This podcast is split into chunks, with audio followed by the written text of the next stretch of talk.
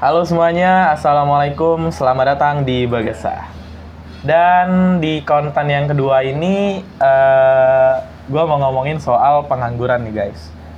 Seperti yang kita tahu, pengangguran tuh di Indonesia tuh ya lumayan banyak sih.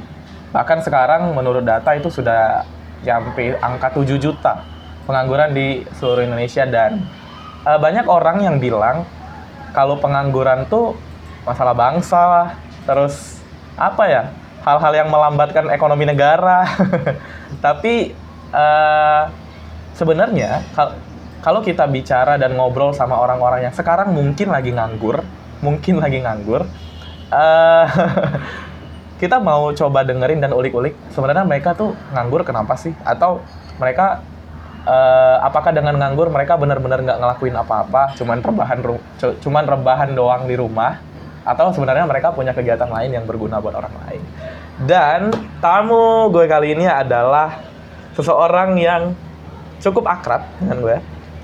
Orang yang menjadi legenda di satu organisasi yang sama dengan gue. Karena dia yang ngurusin semua konten di organisasi itu.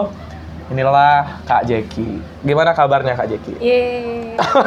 Tepuk tangan dulu sebelumnya. Tepuk tangan dulu ya. Terima kasih Vera. Iya. Alhamdulillah kabarnya baik, luar biasa. Alhamdulillah kabarnya baik. Oke Kak Jeki jangan terlalu formal bahasanya ya. Ah, ah, iya. Tarik nafas dulu. Oke. Eh, Kak Jeki, sekarang kesibukannya apa ini Kak? Kesibukannya kalau dibilang sibuk juga enggak, dibilang nggak sibuk juga enggak. Jadi waktunya lebih banyak memang di rumah. Oke. Sama kalau di rumah pun ketemu sama teman, paling enggak kan teman ke rumah, kita ke rumah teman. Oke. Ngebantu, ngebantu teman. Entah itu nggak sekarang? Kenapa? Ngebucin nggak sekarang? Enggak, enggak, enggak ada yang dibucinin. Wow. nggak ada waktu untuk ngebucinin. oh gitu. jadi Masa? ya, jadi lebih banyak Oke. waktunya untuk membantu temen sih di waktu-waktu luang. Kayak misal ada yang minta desain atau Oke. ada yang minta bantu skripsi. Nah, itu cukup banyak juga yang minta sama saya. Jadi itu cukup unik tuh. Jadi kalau ada yang minta tolong ngedesain, Kak Ah. Jeki bantuin. Ya, Eh dibayar. Nggak pernah matok, tapi kalau misal mereka berniat, saya terima. Kakak terima. Biasanya kalau nggak nggak usah. Nggak apa-apa. biasanya berapa bayarannya Kak? Bayaran? Gak Oh, apa-apa deh buka-bukaan Ah. Mas. Kisaran aja, kisaran. Masya Allah. Uh, yang paling sering uh, aku dapet ya biasanya poster. Poster ya, buat Ah. poster acara gitu ya. Uh, tapi biasanya dia tuh satu paket. Kayak misal ada satu acara lomba, lomba nari, itu dia minta biasanya banner, terus untuk flyer di IG, Oh, snapgramnya gitu. semua lengkap. Dari media sosial sampai yang dicetak Ah, beneran. ah. Berapa tuh biasanya Kak? Nggak nyampe 500 lah intinya. 500 ribu? Enggak nyampe, nggak nyampe. Paling gede?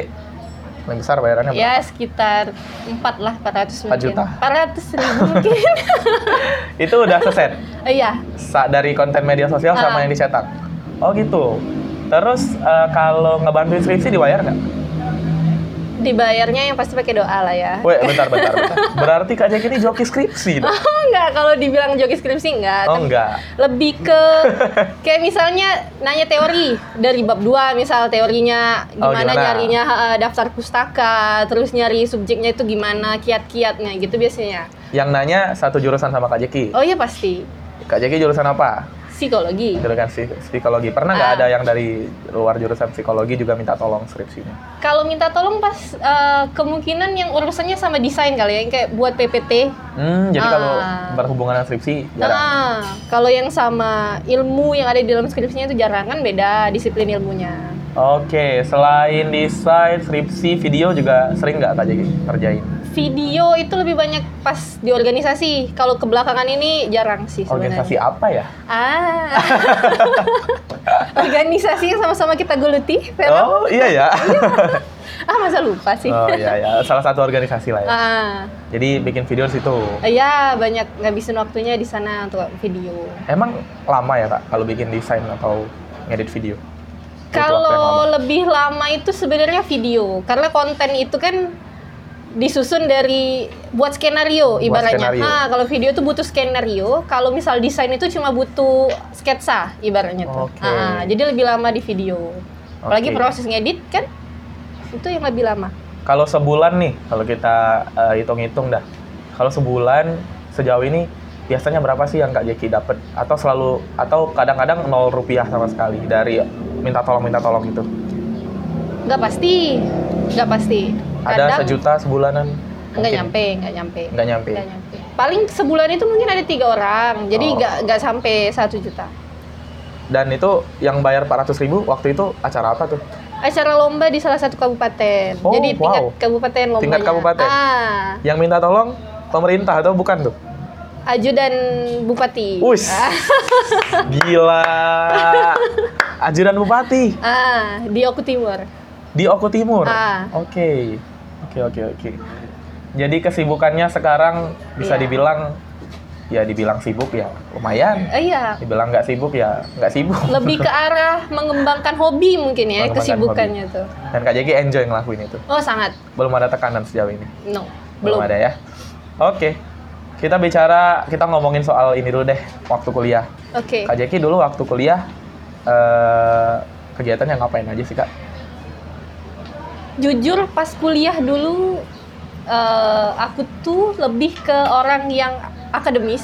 Oh oke Ah. akademis. Akademis. Sampai ke semester berapa ya? Tiga atau empat itu baru diajak masuk bem oke ikut Ah, bem ikut bem selama dua tahun awal masuk kuliah itu benar-benar fokus ke kuliah akademik.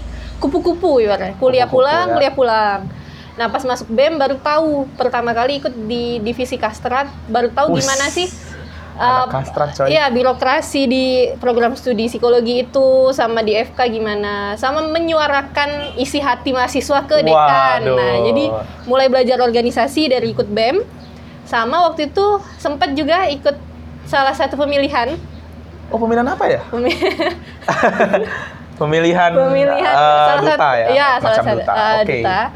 Itu waktu semester berapa ya? 6, waktu semester 6. Jadi mulai terbuka lagi tentang dunia luar. oh Ah, dan di situlah pencapaian akademis sebelumnya tuh sempat turun. sempet turun Ah, karena ikut organisasi tapi eh, ilmu sosial saya bagaimana eh, saya ke lingkungan ketemu orang-orang banyak tuh jadi lebih tinggi ibaratnya ada timbal baliknya. Kalaupun yang ini turun yang sisanya naik gitu. Oh jadi walaupun aktif tetap nggak ngerugiin ya Hmm, karena ada aja hmm. manfaat yang didapat. Iya benar. Dan karena kesibukan kuliah itulah yang munculin hobi ngedesain atau gimana nih kak? Nah kalau ngedesain itu awal mulai dari SMA oh emang udah dari SMA Ah, SMA tuh lebih tepatnya ke video editor. Jadi kalau saya itu duluannya itu video editor daripada eh, ngedesain. oke Video editor pas SMA karena sering ngerayain ulang tahun temen itu ngeditin video mereka dari mereka kecil sampai besar tuh biasanya saya editin. itu jadi kado ulang tahunnya. Oh, nah, oke, waktu oke, kuliah. Keren tuh. ikut yang duta itu tadi, organisasi Ah. duta. Nah, itu baru belajar Corel, belajar Oh, alat eh, desain. desain itu di situ Untuk aplikasi. Ah, baru belajar di situ. Siapa yang paling berperan besar mengajari Kak Jeki Oh, harus disebutkan. tentang desain boleh tuh Kak Tohariansyah. Kak Tohariansyah. Aku juga kenal Kak Fahri. Oh Kita iya. ngebantu juga. Oh iya, alhamdulillah. Kami satu tim, satu tim di Medinfo. Kak pernah satu hati ya kabarnya. Oke, skip. Baik, nanti di-cut ya editor. Oke, lanjut. Eh, dan sekarang Kak Jeki udah lulus. Alhamdulillah. Lulus sudah. berapa tahun nih Kak Jeki? Lulus waktu itu wisuda tanggal 21 Agustus Oke. 2019 dan sekarang sudah tanggal berapa ya? 16 Februari. 16 Februari. Jadi sudah sekitar hampir 6 bulan. 6 bulan udah lulus Iya. dan tamat studinya 4 tahun ya. Hmm, alhamdulillah. 4 tahum pas. 4 tahun sangat pas. Cum laude Kak Jeki ya. Iya, alhamdulillah. Alhamdulillah. Emang inspiratif sekali ya dari Begesah ini. Oke, oke. Cum laude Eh. tidak sengaja sebenarnya. Cum laude tidak sengaja gimana tuh? Cum laude tidak sengaja. Jadi itu tuh alhasil menabung di awal karena fokus akademis selama Hmm. bertahun-tahun di awal itu jadi tabungan pas di akhir kuliah tuh fokus ke organisasi Iya, jadi iya, tabungan iya. di awal itu ngebantu sekali nilai yang di akhir yang jeblok tadi Jadi walaupun Nah. turun, nggak sampai di bawah cum laude ya nah turunnya. iya Oke, oke, oke, oke. Itu bisa jadi pelajaran juga tuh buat Iya. yang lain kalau ya mau aktif organisasi dengan Hmm. kuliah itu harus diatur waktunya Iya, ya. betul. Bisa Betul. jadi pas maba dia aktif, pas di Hmm. akhir-akhir dia mulai nabung nilai. Hmm. Atau bisa jadi di awal nabung nilai, Iya. terus pas mau tamat baru aktif organisasi Ah. supaya eh, nggak terkekang dengan kuliah aja ya Kak Betul, Jeki. seimbang. Oke.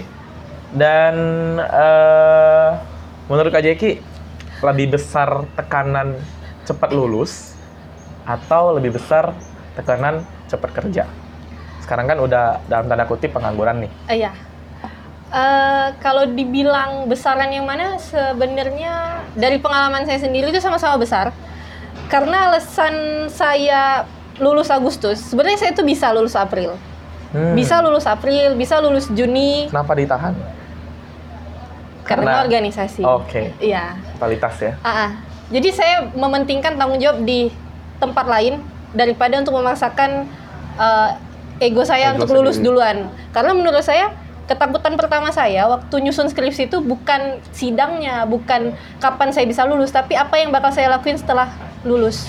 Bener banget. Itu Apa yang lo ngebuat lakuin? saya jadi kayak waktu ngerjain skripsi itu agak lama karena bebannya itu mikirin setelah kuliah bukan pas mau lulus kuliah. Nah, jadi kalau dibilang sekarang mau nyari kerja pun bebannya tuh nggak juga terasa besar sih karena saya masih ada kesibukan yang lain gitu. Oh, jadi ya nggak terlalu terbebani ya supaya cepat lulus. Kalau sekarang udah lulus, terbebani nggak supaya cepat kerja? Nggak juga. Nggak juga. Ah. Nggak ada tekanan dari keluarga. Kalau keluarga tuh sebenarnya mendukung ya, Mendukung apa nih? mendukung saya untuk mencari kerja, Oke. tapi dengan syarat. Syaratnya Ah, apa? Tiap keluarga nih pasti ada prinsip masing-masing Iya, ya, betul. ada Kayak ukurannya misalnya. Feral dari orang tuanya mungkin matok jangan masuk swasta atau harus Benar. BUMN atau harus jadi pegawai pemerintah.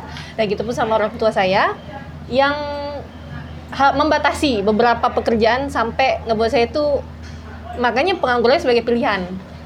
Oh, itu yang jadi salah satu alasan. Kak Jeki itu bukan nganggur karena keadaan ya, Iya, tapi karena ke- memang memilih nganggur dulu ya. Ah, karena dari orang tua sendiri punya prinsip jangan kerja di sembarang tempat, maksudnya pilih-pilih. Kayak sebelumnya, waktu saya diterima di perus- salah satu perusahaan, hmm, Ya, oke. ah, jaraknya cuma dua minggu dari lulus, itu saya sudah diterima di salah satu perusahaan, Oh, itu BUMN kah atau Ah, apa? bukan produsen makanan terbesar di Indonesia. Oh, sepertinya tahu. Oke. Lanjut. Ya, eh, di bagian sta- eh, HRD Oh, itu di saya HRD diterima ya. tapi saya memilih menolak karena gini Dan Kak. Jeki memilih nganggur. Iya. Kenapa? Karena beberapa alasan. Yang pertama, orang tua memang tidak setuju dengan perusahaan tersebut. Orang tua nggak setuju. Ah, terus yang kedua, tanggung jawab saya menjaga integritas sebagai lulusan psikologi. Kenapa gitu, Kak? Kan Ah, HRD sesuai, Kak? iya. Jadi, mohon maaf ini saya nggak sebutin perusahaan ya. Jadi Ah. ceritanya tuh pas saya diterima di perusahaan ini, Iya. dia meminta jabatan uh, A, jabatan tersebut, tapi dengan kualifikasi yang sebenarnya harus dimiliki oleh orang S2. Hmm. Jadi ketika kita mau Hmm. bekerja itu harus melewati batas-batas. Ibaratnya me- mengingkari janji sumpah psikologi pas yudisium gitu. ada sumpah psikologi. Iya ya? ada. Ah, Oke. oke. Sumpah.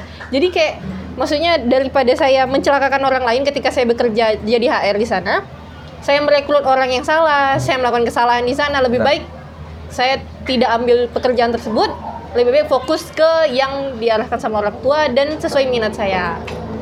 Emang HRD bukan minat Kak Jeki? Sebenarnya minat, tapi karena itu tadi jabatannya Jadi butuh ya kualifikasi yang melanggar tadi maksud saya. Oke, oke, oke. Jadi memang prinsip ya, karena Mm-mm. masalah prinsip. Dan ini bisa jadi pelajaran juga sih buat Iya. eh, teman-teman kita yang mungkin masih cari kerja eh, supaya nggak asal-asalan yang pertama. Hmm, Terus yang kedua, eh, pekerjaan itu juga harus punya apa ya, punya prinsip, punya Iya, integritas benar. yang harus dijunjung ya. benar. Lebih baik nganggur ya kadang-kadang. Kadang lebih baik kita Kadang-kadang lebih baik nganggur. mengalah untuk rezeki yang mungkin akan diberikan Allah lebih besar nanti gitu. Wow. Eh, setelah Kak Jeki memutuskan eh, nganggur ya Eh, iya. dari pekerjaan itu, eh, eh. ada kecewa nggak keluarga atau mungkin maksudnya bukan dari orang tua nih, Mm. tapi saudara atau sepupu yang ada tekanan, Jeki harus cepet nih kerja. enggak. Orang tua dan kakak saya sendiri lebih ke membebaskan, Oh, lebih ke membebaskan. membebaskan. Tapi Nggak ada dengan tekanan sama sekali. tapi dengan syarat kalau misal mau cari kerja paling tidak itu jadi ASN Oke. Ah, atau Waduh, BUMN ASN ya. gitu. Oke. Gitu. Paling tidak yang hidupnya terjamin. Iya, niatnya di situ. Terus setelah dari perusahaan makanan terbesar, udah ada tawaran lagi? Saya nggak ngelamar lagi habis itu. Belum sampai ngelamar lagi? sekarang. Sekarang ada ngelamar? Ngelamarnya cuma di ASN kemarin. Jadi pas Oh di ASN. Udah ah, tes? Udah, alhamdulillah. Oh, berapa nih skornya? Ah, harus Berapa? disebutkan. Boleh, boleh, boleh, boleh. ah, malu ah ya Allah. Berapa, berapa, berapa? Aku yakin besar sih ini pasti. Ah, jangan disebutin lah. Tiga Jangan. ratus ya? Di Iya. atas? Tiga Ah. setengah? Lebih. Wus, fix jadi PNS bentar lagi nih. Ah, ya Allah. Amin amin. Amin, amin, amin. Oke, dan eh, mungkin ini sifatnya pendapat sih kak. Hmm. Menurut kak Jeki, tamat kuliah dengan cepat itu emang bikin orang itu jadi lebih baik nggak? Atau enggak?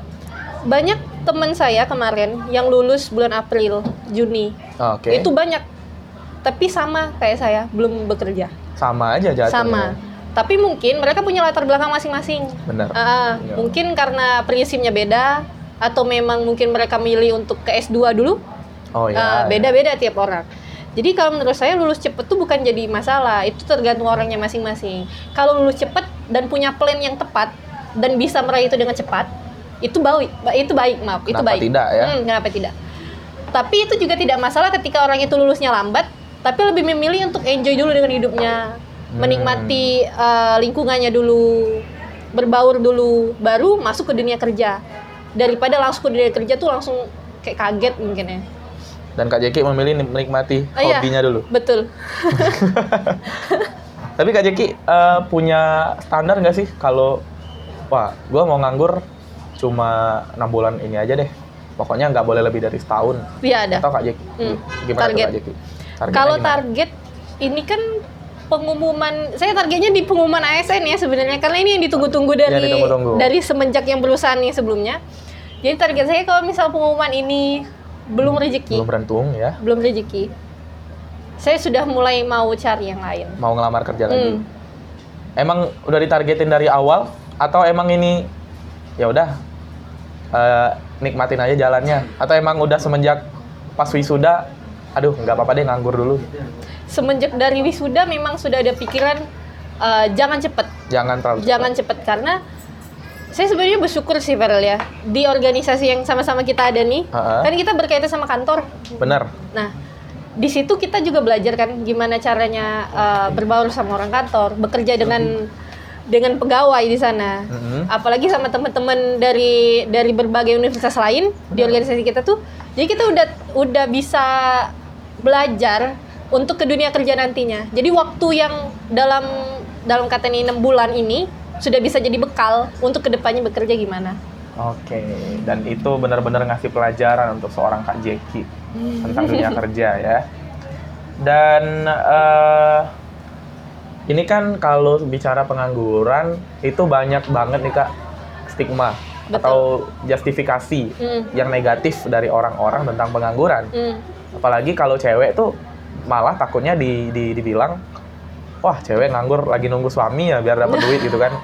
Apa tinggal nunggu dilamar gitu kan. Hmm. Nah Kak Jeki gimana sih ngadepin stigma yang negatif gini? Eh, pada dasarnya kan saya sudah banyak juga ketemu sama teman-teman yang nganggur. Perbedaan yang laki-laki sama perempuan tuh sangat besar.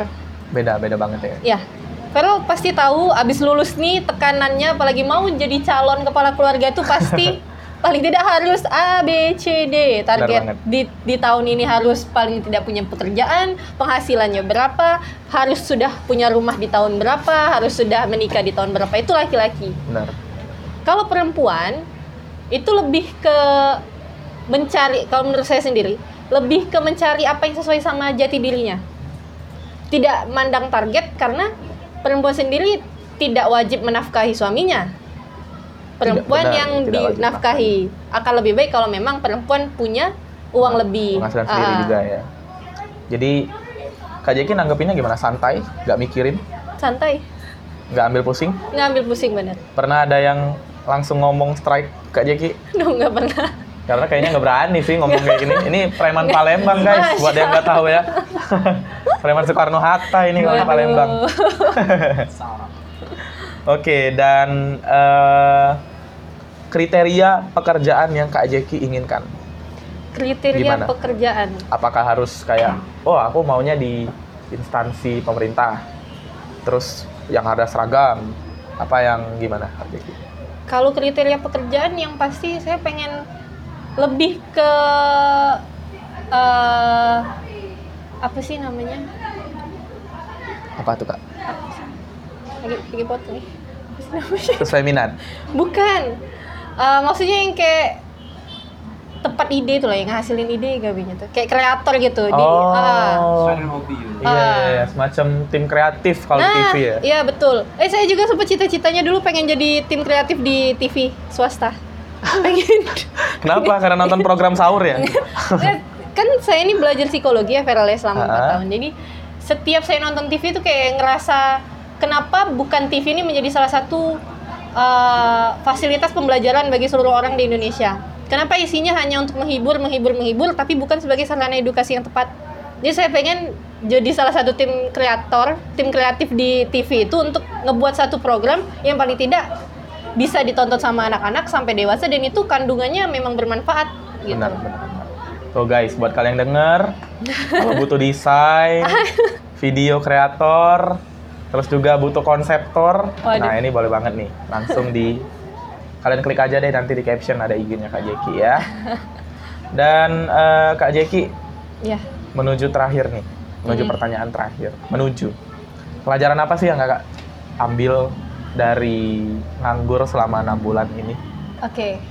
Menjadi nganggur atau Hmm. kaum rebahan selama enam bulan ini banyak poin ataupun pelajaran yang bisa saya ambil. Salah satunya saya bisa lebih kenal dengan keluarga.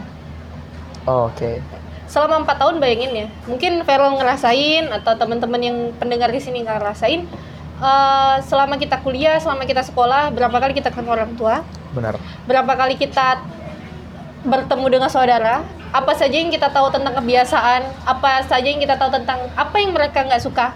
Orang tua misal eh, ayah kita nggak suka ini, ibu kita nggak suka ini, sukanya itu, sukanya ini. Itu dari waktu yang kita luangkan.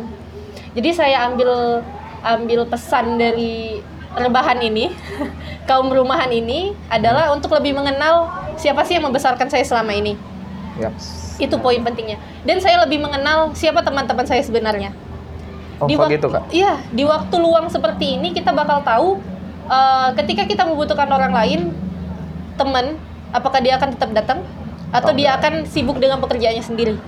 Gitu. Banyak pesan yang bisa diambil dari pengangguran terlebih untuk eh, ini pesannya lagi untuk teman-teman yang mau bakal lulus ya. Iya. bakal lulus menghadapi dunia pengangguran suatu hari nanti.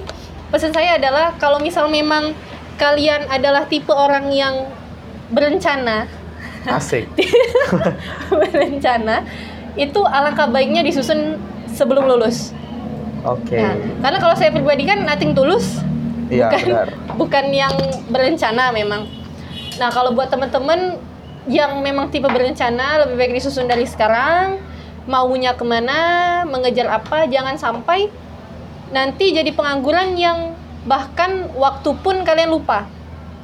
Beberapa kali saya dapat curhatan ataupun saya sendiri mengalami kayak misal lupa tanggal Oh. Ah, jadi sebenarnya ya Ferel, pengangguran ini kalau bisa diambil contohnya tuh kayak misal kita kuliah hari Mhm. Senin sampai Jumat, Sabtu Minggu libur.